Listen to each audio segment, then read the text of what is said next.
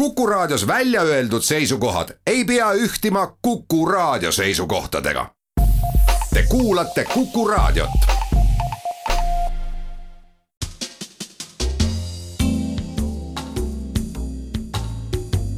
tarkade klubi tere tulemast Tarkade klubisse, head Kuku raadio kuulajad, mina olen Hannes Rumm, Tarkade klubi suvine saatejuht. saatejuht Timo Tarve on nüüd juba Tokyos, aga ka meie siin stuudiotes ja teie seal raadiote taga oleme kõik jalgpalli Euroopa meistrivõistluste lainelt ammu lülitunud ümber olümpiamängude lainele. ja enne tänast mängu vaatame põgusalt tagasi ajalukku, mis siis täna, sellel päeval on toimunud väga halb päev oli täna kolmkümmend aastat tagasi Leedu ajaloos, sest kuigi iseseisvuse taastamiseni oli ainult kolm nädalat, tappis Nõukogude moon Medininkai piiripunktis seitse Leedu piirikaitsjat ja tolliametnikku, et ka Eesti kuulajatele meenutuseks, et taasiseseisvumine ei tulnud Balti riikidele üldse kergelt kätte. aga kui me vaatame Eesti ajalukku, siis on tänane päev palju helgemates toonides ja võiks arvata, et kerge eelis on täna Tallinna meeskonnal, sest täna aastal tuhat viissada kaheksakümmend kolm lõppes Liivi sõda. Vene-Rootsi ehk Pljussa vaherahuga anti Põhja-Eesti ja Tallinn Rootsi hoole alla, mis oli meie palju kannatanud pealinnale suureks kerjenduseks. ja usun, et väikse sellise moraalse eelise annab siis see ka meie tänastele Tallinna mängijatele, kelleks on KPMG riskinõustamisteenuse juht Viljar Annek, tere Viljar! tere! Ning Nuti ristsõnade tegevtoimetaja Kaarel Silmatov, tere Kaarel! tere! Viljar ja Kaarel ihkavad revanši, sest nädal tagasi jäid nad pingelises mängus alla Tartule, keda tänagi esindavad Toivo Kreek, jõudeinimene ja arhitektuuriloolane, tere Toivo! tervist! ja Toivo paarilisena Matis Song, spordikoolituse teabe sihtasutuse toimetaja, tere Matis! tere! Ja lähemegi tänase mängu juurde, tänased viis teemat kõlavad siis niimoodi. alustame traditsiooniliselt teemaga Isamaa ilu hoieldes, jätkame teemaga Hoogne võistlus puhkeb varsti, kolmas teema on nii üllatava pealkirjaga nagu Trofeede võistlus kuulutati välja, neljas teema on Oh ütles Shakespeare ja viies teema Ei me ette tea. kuna eelmine kord tegi avavaliku Tallinn, siis anname seekord selle õiguse Tartule, palun. Toivo, äkki valid? Kas sa tahad hoogsavõistlusega alustada hoogsasti no, või? jah, siin on kaks teemat, mis on nagu kuidagi sarnaste taustadega, aga eks näe, aga proovime seda hoogsat. see teema, hoogne võistlus puhkeb varsti, on, teema pealkiri on siis mul laenatud Gennadi Podelski ja Heldur Karmo mootorsportlaste laulust, mis algab nii. hoogne võistlus puhkeb varsti, algab rajal me uljas sõit, kuigi koos saab mindud starti, ainult ühte ootab võit ehk siis näis, kas täna võidab Tartu või Tallinn, sest esimese küsimuse esitab meile raadiokuulaja Mart Tarmak Vilniusest, seesama mees, kes meie eelmise mängu lõpetas, väga sümboolne üleminek. kusjuures võidupunktid veel Tartule tõi. aitäh, Mart! väga sümboolne üleminek, Mart lisaks sellele, et ta on staažikas diplomaat, on ka väga hea spordihuviline ja ta küsibki meilt sellist asja kui tuhande üheksasaja neljakümne üheksandal aastal valiti Rahvusvahelise Olümpiakomitee kongressil olümpialinna aastaks tuhat üheksasada viiskümmend kuus, siis oli kandidaate kümme. ükski nendest linnadest ei asunud Euroopas. esimese lõunapoolkera linnana sai tookord olümpiamängude korraldamise õiguse Melbourne, kes viimases hääletusvoorus võitis ülinapilt oma konkurenti tulemusega kakskümmend üks, kakskümmend. Melbourne oleks võinud jääda olümpiamängudeta, sest üks ROK-i liige põhjendas hiljem oma valikut niimoodi. Austraalias ei ole ma kunagi käinud, aga naaberriigi pealinna olen korduvalt külastanud. ehk et see mees arvas, et kui olümpiamängud toimuvad Melbourne'is, saab ta selle riigiga tutvuda olümpiaturistina. aga saatus on läinud niimoodi, et see linn ja see riik on tänini jäänud õiguseta olümpiamänge korraldada, kuigi selles linnas ja selles linnastus elab praeguse seisuga viisteist miljonit inimest. millisest linnast on jutt, milline linn oleks peaaegu, peaaegu saanud õiguse korraldada viiekümne kuuenda aasta olümpiamängud? tuhat üheksasada viiskümmend kuus, mis ei ole Euroopas. ei ole Euroopas ja mingit moodi, kus pidi me nüüd võtame? viisteist miljonit inimest no,, mitte Euroopas. üks, mis küll teoreetiliselt nagu oleks Euroopa ja nagu ei oleks, oleks Istanbul, kus on tohutult kandideerinud, aga. viiskümmend kuus. viiskümmend kuus üks võimalus muidugi viisteist miljonit on, mis oli tol ajal üsna aktiivne olümp-, olümpial medaleid võitev riik oli ka Egiptus ehk ka näiteks Kairo. Kairo, nii, aga, aga, aga Mehhiko. Mehhikod on kõik USA-d ja Kanadad, need langevad kõik välja. miks? sellepärast, et seal on olümp-, suveolümpia toimunud. siis langeb Brasiilia ära, siis iseenesest arvesse tuleb Buenos Aires. Buenos Aires on ka muidugi riik, mille kohta näiteks Joe Havelange võis olla sel ajal aktiivne ROK-i liige, kes võis öelda, et noh, ma ei tea, Buenos Aires ma olen ju käinud, et no see on jah, kuule see, kus Havelange'i ma jäin ikkagi mõtlema nende ROK-i liikmete peale. Jah, et, et see asjustus äkki ongi Buenos Aires, sest et Buenos Aires on ka tahtnud, noh, loogiline, kui sa oled tol ajal ja. oli Argentiinaga suht heal järjel olev riik, et miks ja. ka mitte.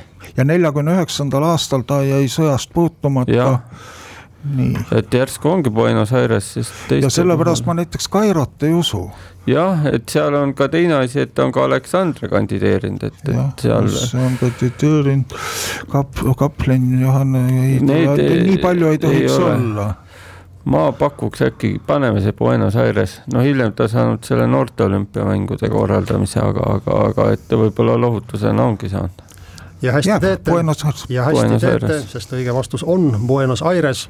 See omakasupüüdlik naaber oli mees nimega Enrique Barbosa Baeza Tšiilist ja paraku ja. ei ole teada, kas ta jõudis Melbourne'i olümpiamängudele või mitte, sest ta ei osalenud järjest neljal ROK-i istungil ja arvati ROK-i liikmete hulgast välja, küll aga on teada, et viiekümne kuuendal aastal oli ta mõnda aega Tšiili välisminister. nii et äh, Tartu jätkab omas heas rütmis ja läheb esimese küsimusega üks-null ette, Tallinn valib teema mis sa arvad, võtaksime sellesama hoogsa võistluse no, teise tuleb, eest ära? sport tuleb neil eest ära võtta jah, et vähemalt proovida, vähemalt proovida. vähemalt proovida jätkame siis äh, küsimusega, mis seekord tuleb ühest teisest Balti riigi pealinnast, nimelt Tallinnast ja küsimuse on esitanud raadiokuulaja Arko Olesk. küsimus kõlab nii. seitsmekümne kuuenda aasta Montreali olümpiamängudel jäi Vene viievõistleja Boriss Oništšenko vahele modifitseeritud epee kasutamisega. nupule vajutusega sai ta tekitada signaali, nagu oleks tema relv vastast tabanud. karistus oli eluaegne võistluskeeld praegu on peidetud elektrimootorite kasutamine kuum teema rattaspordis seni on seal kõige pikem karistusaeg olnud kuueaastane võistluskeeld. aga nüüd alles jõuame küsimuse juurde. tänavu aprillis sai USA sportlane Andrew Kocher kümne aasta pikkuse võistluskeelu elektri kasutamise eest tulemuse parandamise eesmärgil. Kocheri sportlike saavutuste tipus on võistlemine maailmakarika finaalis ning kuninganna Elizabeth teise nimelise karika võitmine, millisel ka olümpiamängudel kavas oleval spordialal Kocher võistles ning kasutas elektridopingut nii, jõudsime pärale. oluliselt raskemaks läks jah. Huhhuhuu, Elizabeth teise nimelise karika. Äh, see viitab, et see peaks olema kuidagi selline Briti kroonimaade trumpala, et kas seal äkki võib olla midagi purjetamisega või? jah, purjetamine, korra tuli nagu, et Elizabeth teise karikas, kas ei või kuidagi olla poksiga seotud, aga noh, milline nagu elektriline doping. jah, see on võib-olla natukene karm. Kuidas oli see küsimus täpselt, et ta sai selle kümme aastat võistluskeeldu, mille eest? elektri kasutamise eest tulemuse parandamise eesmärgil. no ikka väga juriidiliselt nagu mm -hmm.. okei okay,, aga hakkame äkki läbi käima mingisuguseid olümpiaalasid, no pallimängud ma mhm. üldiselt mm ja, ja tegu on väike, väike šokiaparaat annad vastasele ja suure tõenäosusega ta ikkagi vist niisugune individuaalsportlane või, et. Äh, no pigem jah muidu saaks, kui sul on võistkonnaala, sulle saab terve tiim ikkagi disklahvi, kui ka üks, eks ju, kasutab. et, et äh, no mingisugust tennist pigem ei usu, noh, vehklemine ei ole, on ju, et äh, kergejõustikus kuskil ei, siis, siis teaks definitsioon just, et elektri mhm. kasutamine mm -hmm. tulemuse parandamiseks. et see, eks ju, äkki on sellel sõnastusel täitsa tähtsus. et, et see ei ole mitte see, eks ju, et et, et sa tõesti jalgrattaspordis, et sul oli väike elektrimootor või midagi sellist, siis mulle see purjetamise mõte hakkas vaata selles pärast meeldima, et noh, näiteks sul ongi mingi, kui sul on mingi soolopurjetamisklass, sa pead seal purjed näiteks, eks ju, kiiresti üles-alla saama mm, -hmm. tõenäoliselt sellega on võimalik teatud eelist tekitada. maailmakarikas on purjetamises ka olemas aga mingid alad veel, eks olümpiaalasid on nagu piiratud arv on ju. jah, jalgrattasport see vaevalt nüüd on, no ei oleks hea küsimus. jah, mingid batuudihüpped pigem vist mitte, on ju. jällegi, kus sa, kus sa selle elektri paned äh, äh, siis. kergejõustik. no kergejõustik ma ei usu pigem jah mingi ekso, äh, eksoskelettidega vaevalt, et nüüd mm -hmm. ja Kohver ei ole, noh, no ei ole kergejõustiklane. jah, ilmselt küll jah, muidugi me oleme võib-olla väga suveolümpias kinni, et, et mõistagi on ju, et aga, aga taliolümpialadel ütleme mingi bobikelk, kelgutamine, kelgutamine, kurling, noh, seal on jälle tiim on ju, et. jah, ja noh, ma ei tea, elektriline hari, see oleks -hmm. muidugi, see oleks muidugi aga kurlingus ütleme Elizabeth teise karikas, talispordialadel Elizabeth teise karikas mm -hmm. millistel, eks ju. ma nagu noh, hobisõit ju tore, aga, aga miks seal mm -hmm. Elizabeth teise karikas peaks olema? ratsutamine, kuidas sa seal saaksid Äh, ilmselt väga äh, elektripiits muidugi, see võib olla nagu. ma arvan, et hobusele saab suhteliselt hea tempo anda. siis on, oota, aga, aga sõudmine, sõudmises samuti nagu vee peal ja. jah, aga, aga nagu... kuidas, kuidas, kus sa, kus sa jällegi, kus sa selle elektri paned, eks ju seal, et. nüüd ma ütlen, et äh, te olete küll väga pikalt saanud arutleda ja no, ratsutamine või purjetamine? ei no pigem, pigem pakuks purjetamine, jääme selle purjetamise juurde esimene mõte ja purjetamine ei too teile punkti ja vastuse järg läheb üle Tartule, palun oh,. mul on tegelikult meeles mõnekümne aasta tagusest ajast, kui veel Ida-Saksamaa oli, et siis Saksa kelgutamisneiud jäid sellega vahele, et nad soojendasid oma kelkude jalaseid elektriga aga ma ei usu, et see Kohver nüüd kelgutaja oli. jah, Elizabeth teise karikas, see võiks mingi Briti teemaline spordiala olla no brittidel on ju kuulus ütlemine, et kõik muud on mängud, on olemas ainult üks spordiala ja see on teatavasti sõudmine, aga tõesti sõudmises, kus sa saad, noh, paned no. elektrimootori veel lisaks, aga ma ei no. tea, palju see juurde annaks. noh, tegelikult ma ei tea, kas väga annaks, võib-olla annab või ka. mingi no vees, veetakistuse vähendamiseks kuidagi või. jah, see Andrew Kohver on täitsa niisugune tundmatu nimi, noh purjetamine ei saa olla, seda siin öeldi, et see oli vale ja noh, maailmakarikat ka enam nagu väga ei peeta. no mõnest, nojah, see oli vale, aga no. mis tõesti Elizabeth teine meil võib panna? noh võt..., sulgpall, ma ei usu. sulgpall ei ole kuulnud niisugusest mõnest lauatennis. mille mingi..., jah, see ei anna midagi juurde, vehklemine on, mille puhul saaks kohtunikku petta noh, see oli Onišenko puhul, puhul ära kammustati läbi, siis oh jessus küll.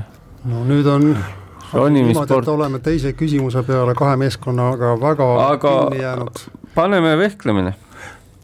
ega kui meil võimalust no ma, oled selles vehklemises no.? Andrew Kohar, ma ei tea, mina tahaks. võib-olla mingi, mis sa tahad pakkuda? no mina sõudmist, aga ma ei suuda välja mõelda, kuidas no paneme siis sõudmine. jah, jääb sõudmine. No vahet pole, kas sõudmine või vehklemine, sest õige vastus on see, mille peale kostis Tartu stuudiost homeeriline maa, naer, kui Kaarel Silmato mainis ra ratsutamist.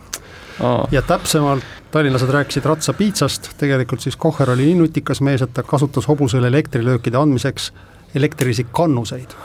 Ja võistles oh. ta takistussõidus, nii et olen väga tänulik raadiokuulajale, heale sõbrale Arko Toleskile kes esitas nii kõva pähkli, et kumbki meeskond seda läbi ei purenud ja jätkame seisul üks-null Tartu eduks. siin oleks veel pidama mõtlema, et see on Arko Oleski küsimus, et ta küsib mingit, alati mingit väga vimkaga asja ilmselt. ja niimoodi ja järgmise teemavaliku teeb Tartu.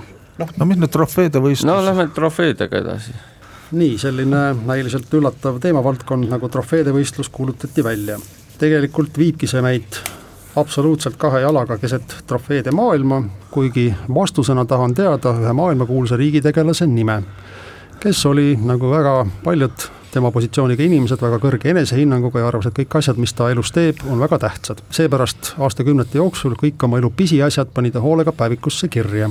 ja muuhulgas oli ta ka haiglaselt kirglik jahimees ja kui pärast tema surva tema päevikut läbi vaadati, siis selgus, et oma viiekümne ühe eluaasta jooksul oli küsitav suutnud tappa kakssada seitsekümmend kaks tuhat viissada üksteist looma ja lindu. oma lossi oli ta kogunud umbes sada tuhat jahitrofeed Nende seas oli ka aastatel tuhat kaheksasada üheksakümmend kaks, üheksakümmend kolm tehtud ümbermaailmareisi ajal Austraalias tapetud kängurde ning India elevantide jäänuseid. saatuse irooniana lasti küsitav ka ise maha, kes see on? Viiekümne. viiekümne ühe aastaselt juba lasti maha mm. -hmm. nii, no üheksakümmend kolm, kas, kas ta nüüd oli meie Ferdinand? mis ta täpne nimi oli? mis aastatel need äh,? no ümber maailma reis oli üheks, kuule, ümber maailma reisi tegi Nikolai Teine. ja siis teda üritati Tokyos kah tappa ja ise ta lasti ka lõpuks maha ja jahimees ja vist oli ka. jah, äkki siis. ja pane. niisuguseid igasuguseid pisiasju ta pani küll kirja mm. -hmm. aga ja... paneme Nikolai Teine siis. jah ja see teile paraku punkti ei too ja vastata saab Oho. Tallinn. jah, nüüd tuleb tunnistada, et, et sai siin, sai siin juba niimoodi meeleheite liigutusi teha vahepeal, kui Toivo alustas sellest, mis meie arust on ikkagi õige ja korrektne vastus. Viljar tundub kuidagi jah väga kindel olevat, mina seda fakti küll ei tea, aga. no jah, et... põhimõtteliselt maha ta lasti umbes selles vanuses, aga mingi paarsada tuhat looma-lindu ta tõesti ise ise ka nagu ära plõksis oma eluea jooksul, ehk Franz Ferdinand tõesti see võiks olla. nii see on, sest õige vastus ja. siiski oli tuhande üheksasaja neljateistkümnendal aastal Sarajevos tapetud Austria troonipärija ertshertsog Franz Ferdinand, kelle kohta ajaloolased ütlevad, et isegi oma ajastut arvestades oli ta hullumeelne kütt ja oma siis koduses lossis Konopistšes, mis on eestlastele hästi tuttav vahvas sõdur Šveigist, oli ta kogunud umbes sada tuhat jahitrofeed ja selle vastusega Tartu laseb käest võimaluse eduseis duubeldada ja Tallinn võtab järgi, seis on üks-üks ja valib Tallinn. prooviks seda Shakespeare'i, oh ütle Shakespeare ja teema all Oh ütles Shakespeare on meil siis kirjas sellised küsimused, mis puudutavad väliskirjandust. Ja alustame sellega, et siis kuulus kirjanik Rudyard Kipling sai kuulsaks juba väga noorelt, ta oli karjääri alguses vaene ajakirjanik Delis, aga teenis oma esimeste raamatutega nii palju raha, et juba kahekümne nelja aastaselt alustas ta reisi läbi Singapuri ja India USA-sse ja kuna tema suur eeskuju oli Mark Twain, siis New Yorgis ta lihtsalt otsis maailmakuulsa kirjaniku ülesse, lasi tema uksekella ja ennäe imet, Mark Twain vestleski tundmatu noorkirjanikuga kaks tundi ja väga sõbralikult. ja muuhulgas rääkis Mark Twain, et tal on peas juba valmis jätkuromaan Tom Sawyeri seiklustele. selles jätkuraamatus pidi Tom olema täisealine, Twainil oli kogu raamatu sisu juba valmis mõeldud, aga ta kurtis Kiplingule, et ta ei suuda ära otsustada, kas lõpetada romaan sellega, et Tom Sawyer valitakse USA kongressi liikmeks või milline oli alternatiivne stsenaarium. ahah hmm. okei okay see võiks nüüd siis olla, no jällegi mõtled, mõtled ka Twaini peale, et äh, see tõenäoliselt ei saanud olla, et noh, ma ei tea, valime ta kas kongressi liikmeks või, või senati liikmeks, kus siin see vaimukus oleks? võib-olla on siin hoopis asi peidus selles, et, et, et Kipling tegi selle põhjal mingi raamatu. no nii, Kipling, Kipling, Kipling, tema sai tuhat üheksasada seitse sai Nobeli kirjanduspreemia, mis tähendab, et et noh, selleks ajaks ta oli juba natukene vanem noh, Twain oli muidugi. kirjutas, eks ju, Kim džungli raamat, eks ju äh, nojah, et äkki, äkki siis ongi, et äh, kuidagi söötis selle nii-öelda Maugli idee ette. nojah, aga Tom Sawyer, et läheb džunglisse elama, see nagu ei ole no, Twaini üheksa, vääriline. no üheksateist sajandi seikluskirjandus. jaa, aga pigem, vot siin on nüüd see küsimus, et kas see kongressi liikmeks valimine, et äh, kas see on positiivne lõpp või negatiivne lõpp Tom Sawyeri jaoks. kuskilt nagu imeammu oleks midagi sellist kuulnud, aga praegu on sellise läbipääsmatu seina taga see teadmine. kas siin on öeldud, et üks peab olema hea lõpp ja teine halb lõpp? ei, aga pigem noh, see oleks, see oleks nagu treinilik mm. -hmm, okay. et ja, ja noh, lisaks sellele, et see, see on tõenäoliselt puändiga. jaa, aga, aga siis tekiks küsimus, et miks see Kipling siin üldse nagu lihtsalt tema mälestus. nojah, seda küll. memomaarid, eks ju mm, -hmm. et kahe kuulsa kirjaniku kohtumine et ma, ma nagu Kiplingi raamatutesse seda siiski ei paneks, võib-olla läheb nagu mööda praegu, aga sest ma ei, noh, tõesti, et Maugli, Kim hakkab spiooniks, sel ajal nagu tegelikult noh, sellised spiooniromaanid ja asjad, see, neid ei olnud veel tegelikult sündinudki, põhimõtteliselt Kim oligi muidugi esimene. nojah, et, et võib-olla siis saigi idee sai, sai Twainilt. aga mõtleks edasi, see aga... ei, ei kõla kõige parema mõttena. kui te tahate edasi mõelda, siis tehke seda palun tempokamalt. ahah, no jah, okei okay,, üks, üks valikanetest saab poliitikaga, teine on ikkagi mingi India suursaadik, noh, või mingisugune diplomaat või. aga ütleme, et äh, ma ei tea, abiellub õnnelikult, noh ei no see ei, see pole see jah. kuidagi imelik. no ütleme, et pigem Twainil oli poliitika, noh et poliitik on kaabakas, eks ju jaa, ei no seda küll, aga, aga ma pigem arvan, et küsimuse ilu mõttes võib-olla, et, et, et see lõpp ikkagi kuidagi ta läheb kuskile eksootilisse paika, näiteks Delisse. nii, ja sõnastage nüüd palun vastus. no pakume, et. pigem, pigem ärme, ärme siis, tegelikult see ei ole paha mõte, panemegi ette, et jah, ta kas valitakse kongressi, oota, või valitakse presidendiks ikkagi. ja teie vastus on? no teeme Paneme, siis. või valitakse presidendiks. ja see on vale vastus ja Tartu saab proovida, palun. noh, nii, no kongressmani vastand on anarhist. minul oli mõte mõeldes Twaini vist teoste peale, ma nüüd võib-olla panen mõelda, aga kas tal oli Prints ja Kerjus? et see Sega... kontrastimäng, et, et, et see, et saab edukas poliitik, noh ikkagi kongressi liige on ka ikkagi USA-s väga ihaldusväärne amet et järsku teine võimalus, et lõpeb asi katastroofiga ja temast tuleb kerjus no see on ka, et, et kas mingi vastand või samas tõesti ikkagi, kui mõelda Maugli või selle peale, et ta kuidagi eksib džunglisse ära, ma ei tea, no kas no, ma... Mark Twain. kuidagi minu jaoks oleks kuidagi punnid, noh, miks, miks sa pead džunglisse minema? Nojah, ja selles tegelikult Kiplingul oli küllalt küllalt seal Indias teine, enda kogemust. teine niisugune rännumees oli, pigem oli Huckleberry Finn, kes käis mööda, pani Mississippi't edasi ja, ja, ja, ja oli igatpidi sihuke. sina, sina rõhud Kerjusele? ma jah, nagu selles suhtes tahaks, et, et ta, see oleks sihuke tweinilik nojah, vastand, vastand ja ma ei usu, et ta tõesti see, no jääme selle Kerjuse juurde. teete selles mõttes hästi, et te olete palju lähemal kui Tallinn, kuid päris kohale siiski jõudnud, nagu Matis ütles, siin on tegemist kontrastiga, kongressmeniks valimine oli siis Ameerikas edusümbol, aga see teine lõpp, mida Twain silmas pidas, oli see, et Tom Sawyer romaani lõpus puuakse üles. Oh.. nii no, et seis jätkuvalt üks-üks, tänane mäng on osutunud mängijatele raskemaks kui eelmine. Seetõttu teeme siinkohal väikese reklaamipausi, et mängijad saaksid hinge tõmmata.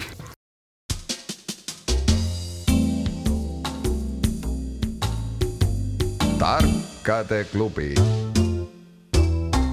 tere tulemast tagasi Tarkade klubisse, head Kuku raadio kuulajad, mina olen suvine saatejuht Hannes Rumm ja mul on hea meel juhtida tänast väga põnevat mängu, kus vastamisi on Tallinn ja Tartu, seis on väga pingeline, Tartu koosseisus Toivo Kreek ja Matis Song on ühe punkti peal ning täpselt sama palju punkte on suutnud koguda ka Tallinn koosseisus Viljar Alnek ja Kaarel Silmata.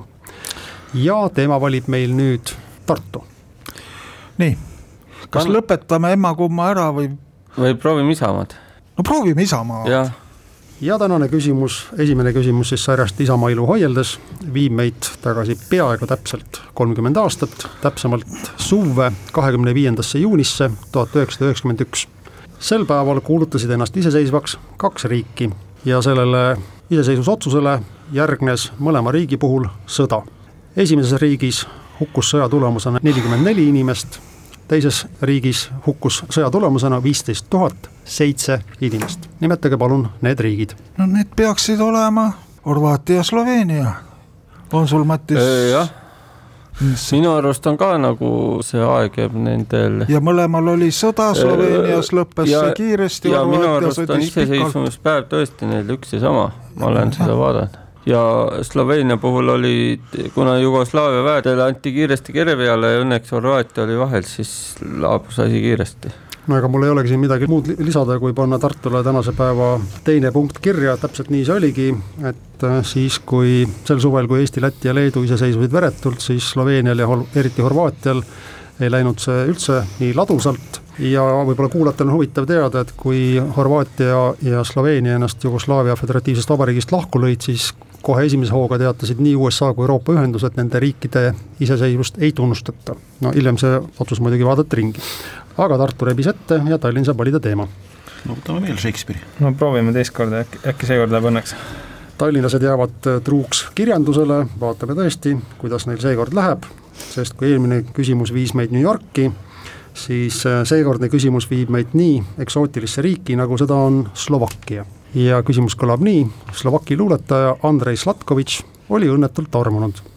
ning selle õnnetu tunde tulemusena sündis tal tuhande kaheksasaja neljakümne kuuendal aastal teos, mis on ametlikult tunnustatud kui maailma kõige pikem armastusluuletus. see luuletus on kaks tuhat üheksasada värssi pikk, nagu me eelmisest saatest mäletame, siis Kalevipoeg koosneb üheksateistkümnest tuhandest kahekümne kolmest värsist. ja selles majas, kus daam, kellest see luuletaja oli armunud, kunagi elas, asub tänapäeval väga moodne muuseum. sellesse muuseumisse on talletatud üle saja tuhande armastusloo kogu maailmast ja kui nüüd mõni Kuku raadio kuulaja satub sinna muuseumisse, siis võib ka tema sinna talletada oma armastuse loo. aga eelneva pika jutu võtab kokku lühike küsimus mis oli selle naise eesnimi, kellesse Slovaki poeet oli õnnetult armunud. olles nüüd vaadanud hetke tallinlaste pikka nägu, anname ka väikse päästeva lisavihje, sama nime kannab populaarne Eesti poliitik, kelle jaoks oli väga õnnelik päev, kahekümne kuues mai kaks tuhat üheksateist.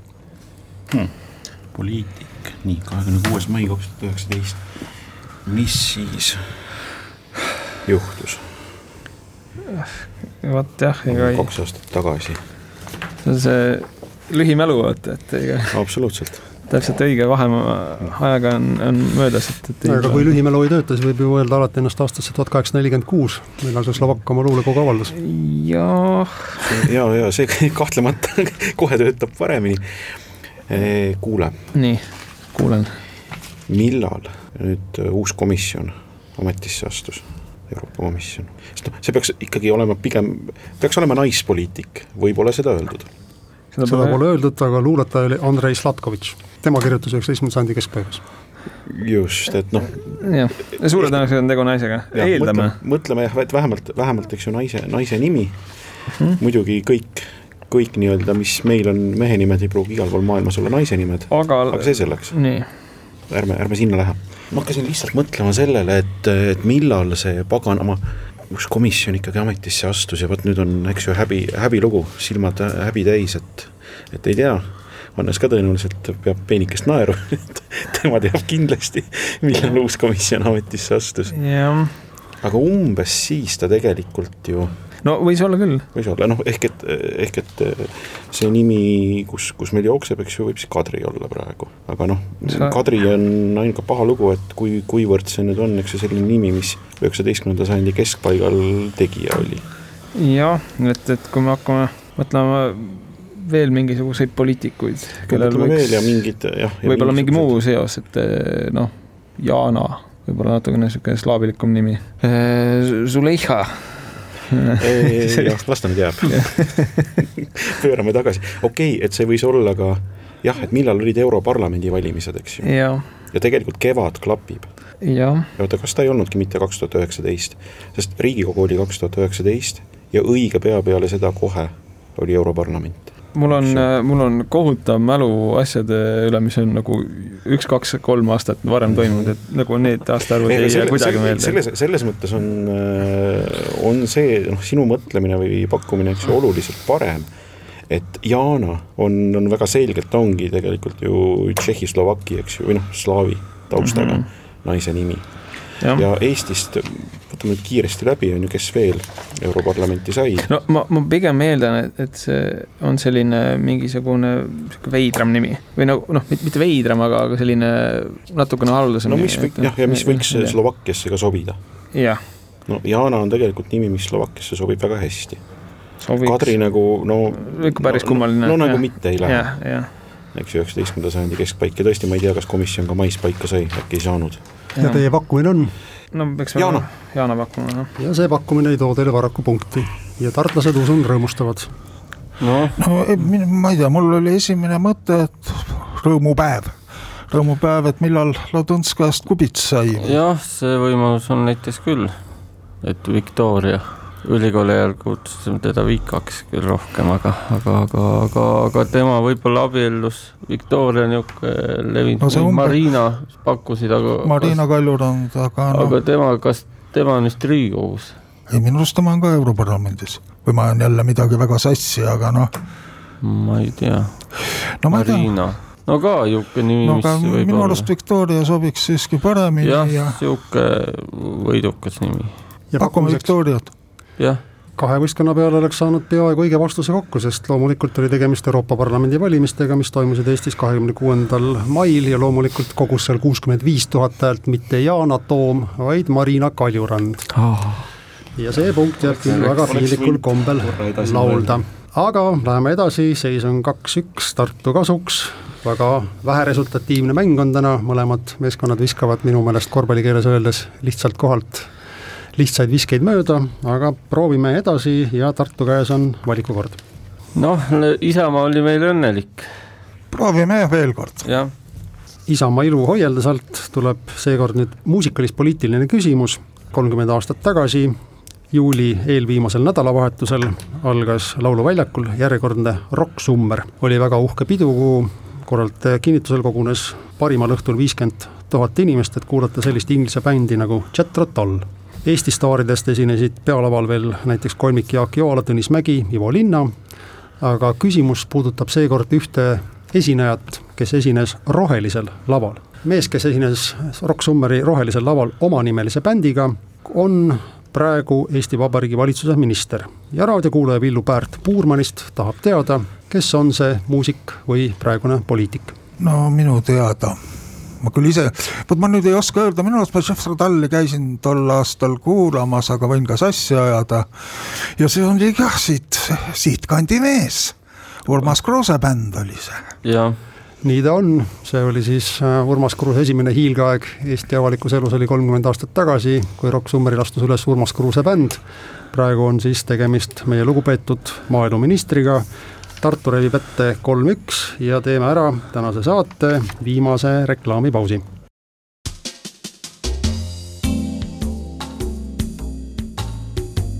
tarkade klubi. tere tulemast, head Kuku raadio kuulajad, jätkame saatega Tarkade klubi, mina olen saatejuht Hannes Rumm ning tänases lahingus Tallinn-Tartu on vastamisi Tartu poole pealt Toivo Kreek ja Mattis Sang ning Tallinna poole pealt Viljar Alnek ja Kaarel Silmata teise saateosa lõpus tegi Tartu valusa vahespurdi ja läks ette kolm-üks ning Tallinn saab valida teema ja alustada lõpusporti. võtame trofee ikka. ette me ei tea, aga ma kardan, et trofeedelt me saame mingisuguse, leiame selle ainsa loodusküsimuse üles, aga võimalik, aga võtame ära. aga võtame ära ikka. äkki saame lihtsa jälle? ei tea noh, selles mõttes kurvastan teid sellega, et taaskord on küsimuse autor raadiokuulaja Arko Olesk Tallinnast. Mm -hmm. ja tema tahab teada sellist asja.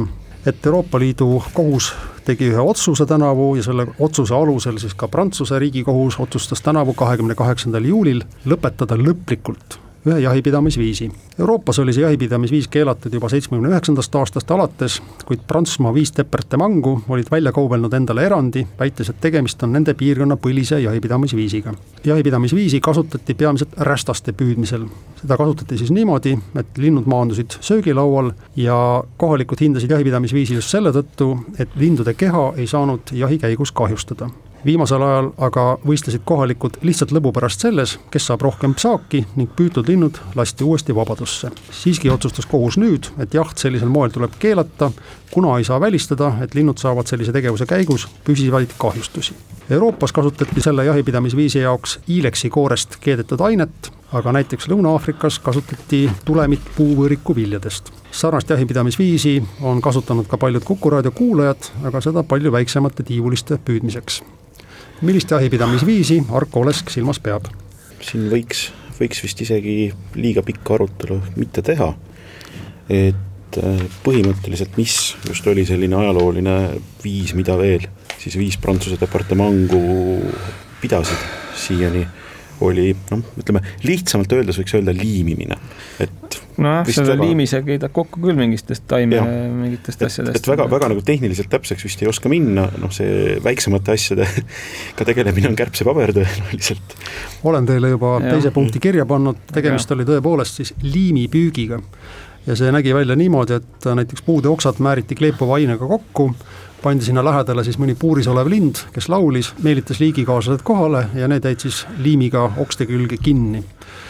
Te ütlesite ka selle ära, et paljud meist on kasutanud siin või seal oma elus kärbsepaberit, mida kohus siiamaani veel ära keelanud ei ole. aga oleks aeg. aga seis on muutunud äh, põnevamaks, kolm-kaks, Tartu endiselt juhib ja saab valida teema. no mida meil valida? ei, me ette tea esimene jah, et nii ta on, et äh, lauda on jäänud veel kaks küsimust äh, sarjast Ei me ette tea, ehk siis kuulajatele selgituseks, need on rohkem sellised vaaria küsimused. Aga anna meile palun neist lihtsam.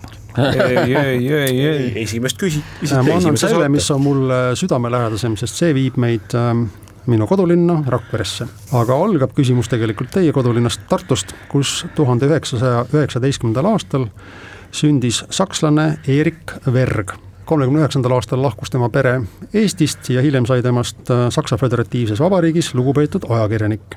aga ta on kirjutanud väga huvitavad mälestused sellest, milline oli elu Eestis kahekümnendatel ja kolmekümnendatel aastatel. ja mind paelus tema mälestustest just see koht, kus ta kirjeldas oma elu algkoolipoisina Rakveres, ehk siis tuhande üheksasaja kahekümnendate aastate lõpus. ta kirjutas muuhulgas oma raamatus nõnda. Rakveres oli neid täpselt kolm R, R2 ja R3. küsimus on väga lihtne, mis need olid? nii. R, R2 ja R3.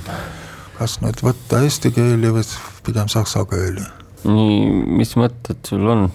mul esialgu ei ole mingeid mõtteid. Rakvere on ka peaaegu et minu sünnilinn. nii et ma katsun meelde tuletada, mida seal R-ide ja mida seal võis kolm olla ja kui ta oli koolipoiss, vaevalt et ta midagi väga kõlvatut seal no. silmas pidas.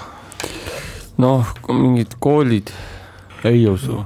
oota, koole võis kolm, koole võis kolm küll olla. jah, aga. aga mida veel, nii kõrtse. staadioni. raadio, raadio, raadio, noh, see on eestikeelne. saksa keeles. Saksa keeles saaks ka raadio vist suures osas või rundfaart või mis iganes. mingid turud, kauplused, teatud kaup, teatud tüüpi kauplused, mis võisid koolipoissi mm, -hmm. koolipoissi ja muidugi R võib tähendada lihtsalt Rakveret kolm Rakveret. jah, mingit, mingit Rakvere, lihtsalt Rakvere, Rakvere kaks ja Rakvere kolm. kas noh, tollal mingi bussipeatus järsku oli, ega sel ajal oli veel see bussi suht haruldus. jah, sest rongipeatusi nüüd küll Rakveresse kolm ei oleks kuidagi ära mahutanud. noh jah, seal tavaliselt ikka linna kohta tehti üks no,, kui oli väike. tsitaat oli, et neid oli täpselt kolm, täpselt kolm, nii et seal tuleb uh,. Uh, uh. järsku oli kolm bussi. ei no täpselt, siis, siis ei oleks seda täpsustust täpselt vaja bussipeatusi, bussiliine on või voorimehe peatusi, voori. transpordiliin, ühistranspordiliin oleks kõige parem kui. jah, aga kas kahekümnendate lõpus juba Rakveres oli kolm liini, ma selles väga no, kahtlen ka. mina mäletan viiekümnendate lõpust, et. seal võib olla kolm peatust tol ajal. jah, kolm peatust, see minu mõte oli alguses, ma ei tea Minul... kuidagi praegu me oleme ennast nii kinni mõtelnud no, ja. paneme äkki kolm peatust, et ühistranspordipeatust. jah, nii teeme.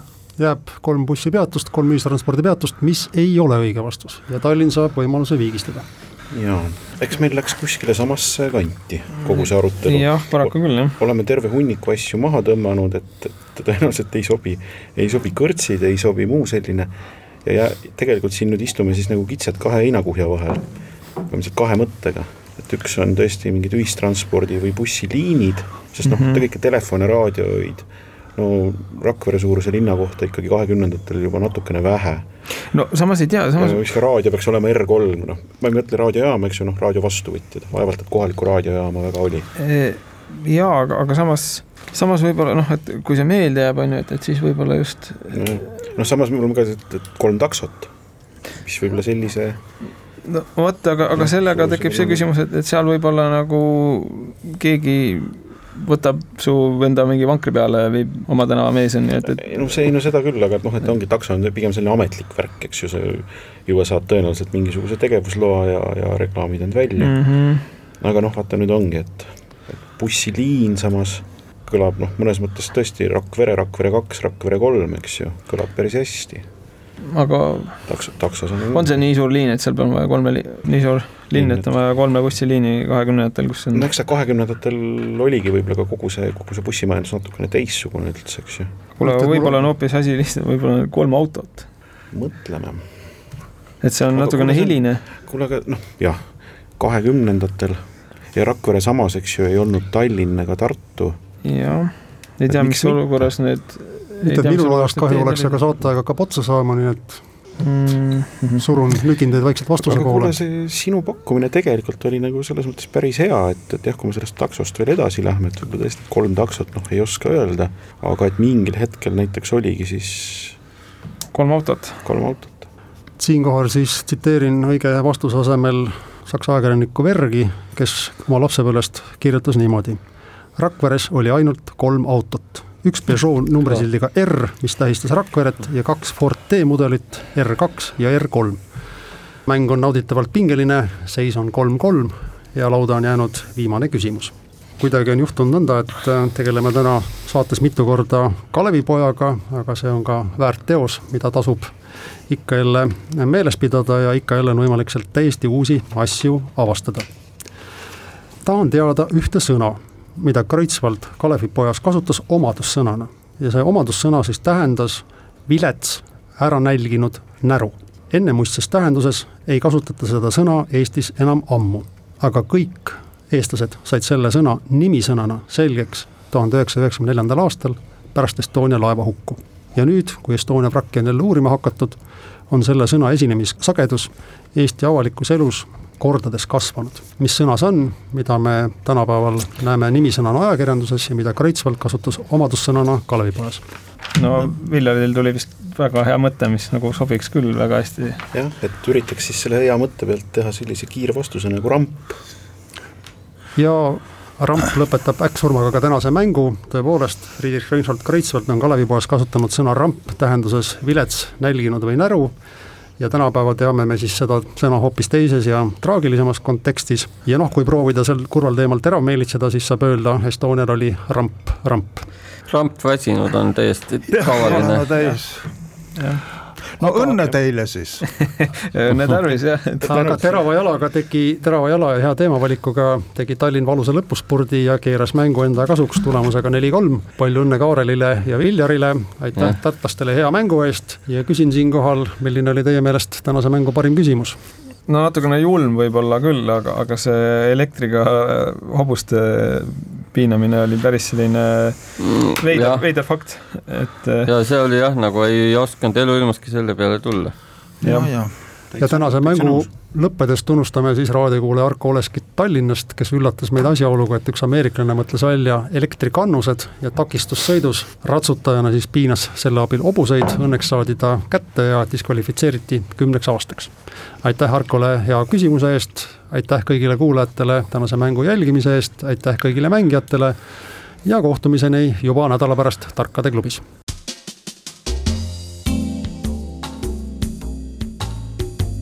tarkade klubi